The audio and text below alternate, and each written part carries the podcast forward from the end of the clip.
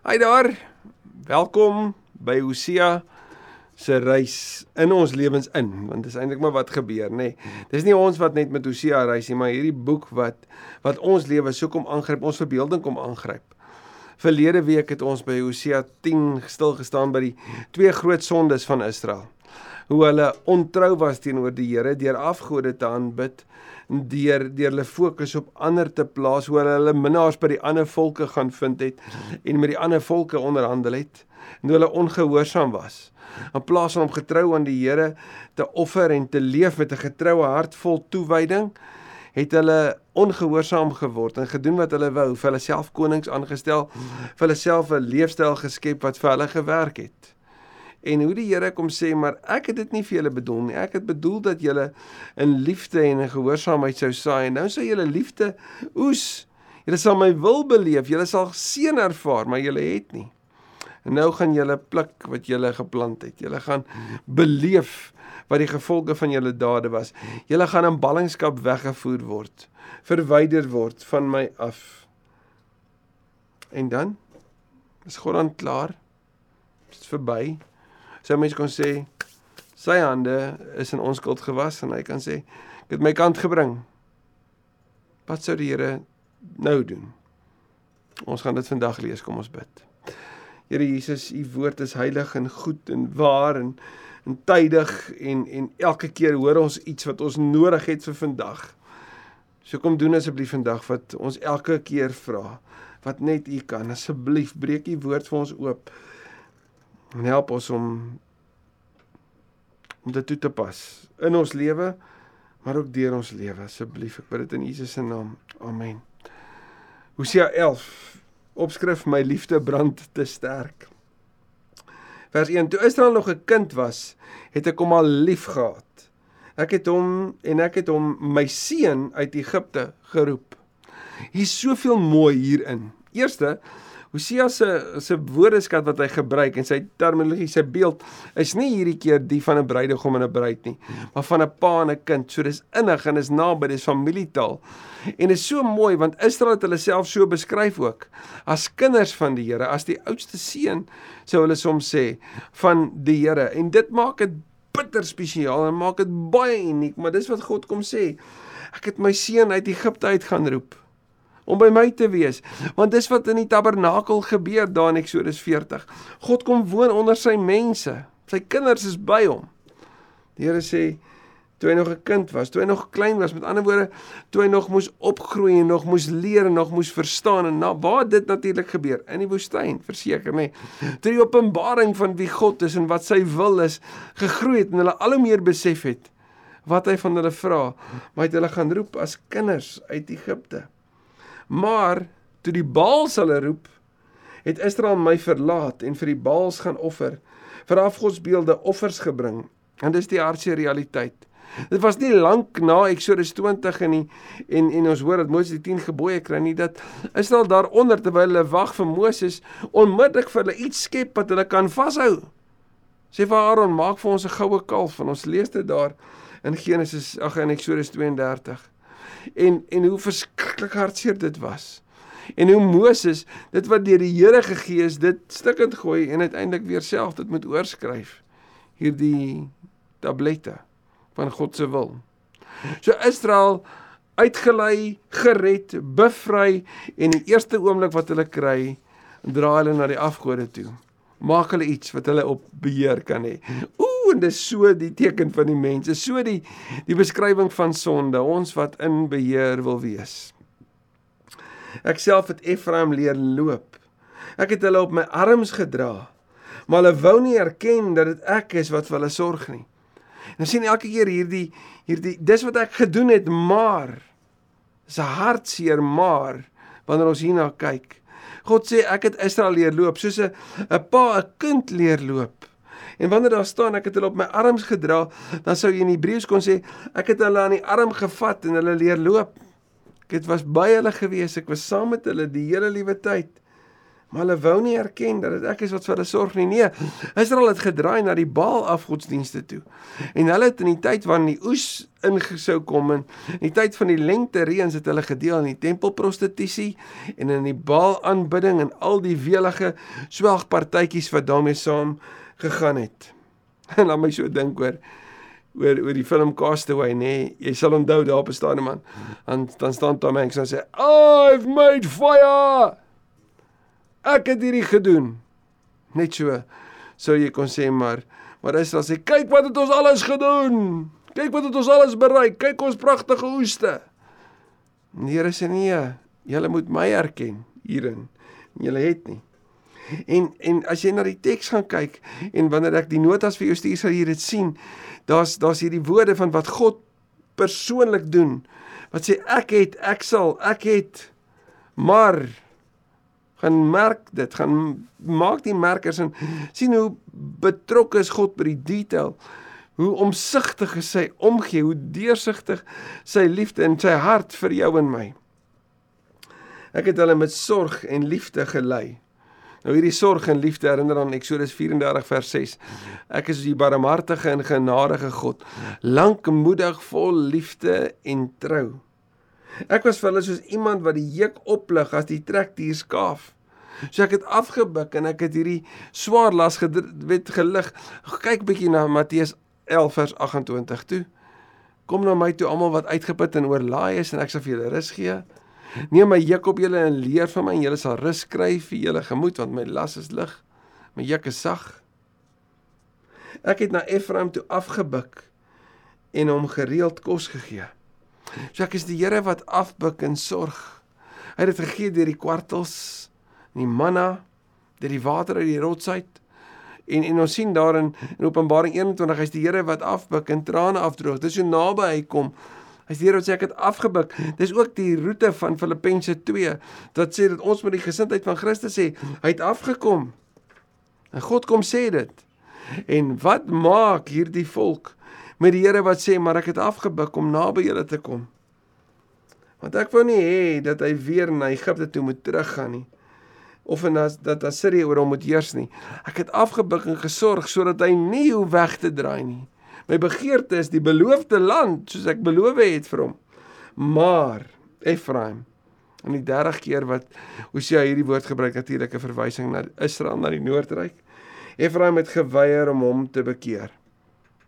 Om te bekeer is om terug te draai om sy hart vir my te gee, om homself weer toe te wy aan my.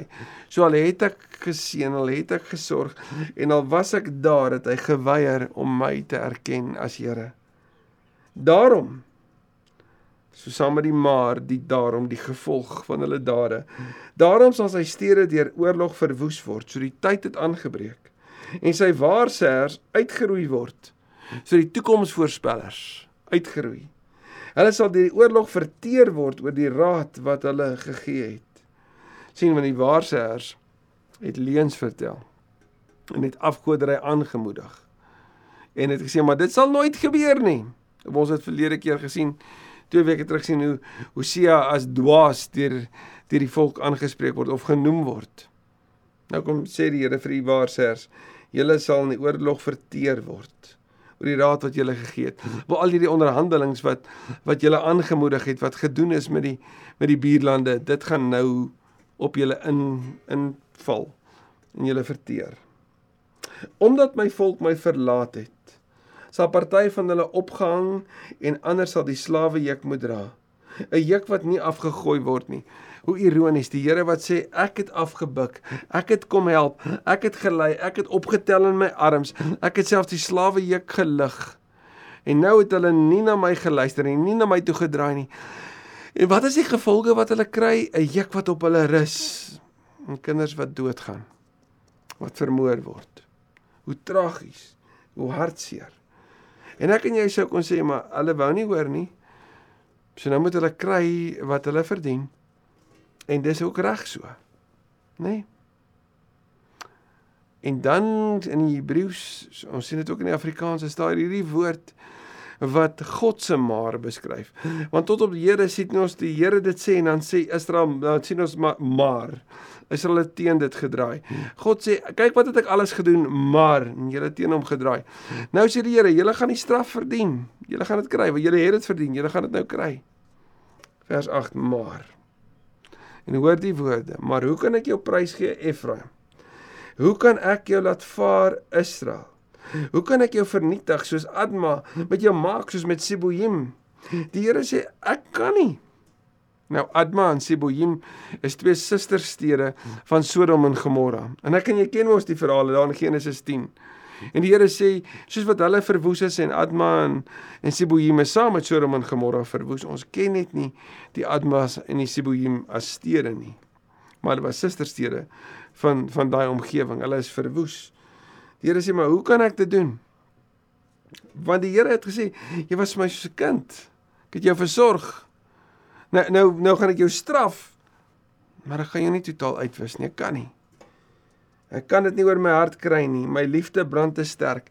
Hierin moet jou en my verbeelding intens aangegryp word. Hoe God sy toorn bedaar deur sy liefde hoe hy die die wraak wat hy met alle rede het teenoor hierdie volk wat hy bevry het hoe hy tot bedaring bring. Nie vanwe iets wat hy wil hê nie maar iets wat hy wil gee naamlik liefde. Hy wil liefde kom gee. En sy liefde brand so sterk dat hy sy plan verander. Sien ons sien aan die kruis hoe ernstig God oor die sonde is Daarom wanneer Jesus die prys betaal, kan hy sê vergeef hulle want hulle weet nie wat hulle doen nie. Maar Jesus het aarde toe gekom om vir ons te wys hoe ernstig God oor die sonde is en hoe groot God se genade is, hoe groot sy liefde is. Daarom sal Johannes vir ons sê, in hom is die volle heerlikheid van God vol genade en waarheid. Hierdie liefde en trou van Eksodus 14 vers 6 sien ons in die genade en waarheid van Christus. Hierin sê God, ek kan dit nie oor my hart kry nie. Hoor jy dat die hart van die Here geskeur is? Dat hy diep ontroer is, dink ek sê die boodskap. En hoe dit hom lei tot 'n nuwe keuse want my liefde brand te sterk vers 9 wat op vers 8 volg. Ek sal my gloeiende toorn bedwing. Ek sal nie so ver gaan en Efraim uitwis nie. Want ek is God, nie 'n mens nie. Dis die groot verskil. Ek is God, nie 'n mens nie. Daarom kan ek en jy op hom reken. Daarom kan ons nie van hom verwag wat ons van ander sal verwag nie. Daarom is daar volledige vergifnis by hom. Daar is genade by hom. Daar is die Here wat jou en my soek soos wat hy gedoen het in Lukas 24 met die Emmausgangers. Die Here wat na jou en my toe uitreik wanneer ons dit die minste verdien, maar die meeste nodig het, soos in Johannes 4, Johannes 8 en ons gaan die ganse Bybel gaan ons soveel voorbeelde daarvan kry. Hy wat uitreik en daar is vir ons. Wat afbuk, trane afdroog, wat wat oë herstel en siekes genees. Wat sê jy's vergewe. Ek is God, nie 'n mens nie. Ek is die heilige wat by jou is. Dis Immanuel. Maar hy's die gans andere want hy's die heilige. Hy's anders as al die ander. Dis wat die evangelie van Christus so onderskei van die res. Die Here van liefde en trou wat hom aan jou en my bind. Ek sal nie met woede ingryp nie. En vir Israel is dit goeie nuus. Hulle sal die Here volg. Hy sal brul soos 'n leeu en wanneer hy brul sal sy kinders vol ontzag uit die weste kom. So hier word die die Here wat eers as Vader, as ouer beskryf word, word nou as 'n leeu beskryf. En en 'n leeu is intimiderend en 'n leeu is beslissend en wat ook al 'n leeu maak, dit dit dit vra gesag, nê? Nee? En dis presies wat hier gebeur. Die Here sê hulle sal hom volg en hy sal brul soos 'n leeu. So hulle gaan luister vol onsag vir hom. En interessant Openbaring beskryf God jy so. Hy beskryf Jesus so. As die leeu oor die stam van Juda in Openbaring 5, want dan sien ons die leeu is 'n lam. Kan ek en jy net dit hoor? Wanneer ons die lam sien, asseblief moenie vergeet nie dat hy 'n leeu is, dat hy die Here is, dat hy nie blind is vir ons sonde nie, maar dat hy genade wil kom gee vir jou en vir my. Sy kinders sal onsag hê. En wanneer hulle kom uit die weste, nou nou vir jou en my, net om dit te verstaan, toe Assirië inval, toe is daar van die Israeliete wat na die see se kant toe weggevlug het na die weste se kant toe. So ons sou gedink het hulle gaan van die ooste af terugkom. Maar hulle kom van die weste af, die selfs die vlugtelinge kom terug. Hulle kom terug na waar hulle hoort. Vol onsag sê vers 11, sal hulle soos voëls uit Egipte vlieg, daarheen waartoe hulle gevlug het. En soos duwe uit Assirië. Nou duwe hierdie seisonale voëls van van van die wêreld van die Bybel. Ek sal hulle na hulle neste toe terugbring sê die Here. So die Here is 'n Vader. En die Here is 'n leeu. Maar die Here is ook een wat hulle onder sy vlerke inbring om hulle te versorg. Wat maak die Here met hierdie volk wat wat in ballingskap weggevoer word? Sê hy is klaar? Nee, hy is nie. Sy liefde brand te sterk. Daarom sal hy bly uitreik, daarom sal hy hulle terugbring, want hy wil hê hulle moet weet waar ek is. Ek en jy kan nie opgee op ander nie, want God gee nie op op hulle nie. Ek en jy mag nooit die leuen glo dat God opgegee het op ons nie. Hoor jy dit? Moet dit nooit glo nie. Want sy liefde brand te sterk. Vol genade en waarheid. Ons het hom nodig. Ons is verlore sonder hom. Maar hy sal nie sy rug op ons draai as ons in alle eerlikheid berou toon en ons sonde bely nie. Dankie Here vir Hosea 11. Dankie vir die grootheid hiervan. Dankie dat Hosea 11 ons vir ons heenwys na die kruis toe. Dat ons juist daarin sien hoe U vir 'n sondaar in die doodsnikke van sy lewe sê: "Vandag is jy saam met my in die paradys." Dit voel vir ons so onregverdig en tog so goed.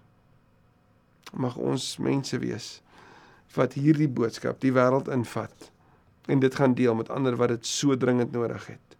In Jesus se naam. Amen. Amen. As jy vandag nodig het om met iemand te praat. Stuur vir ons 'n e e-pos. Ons wil graag saam met jou bid. Ons wil graag saam met jou vir die Here vra om dit wat in jou hart is om dit aan te raak met sy liefde en sy genade. Mooi dag vir jou.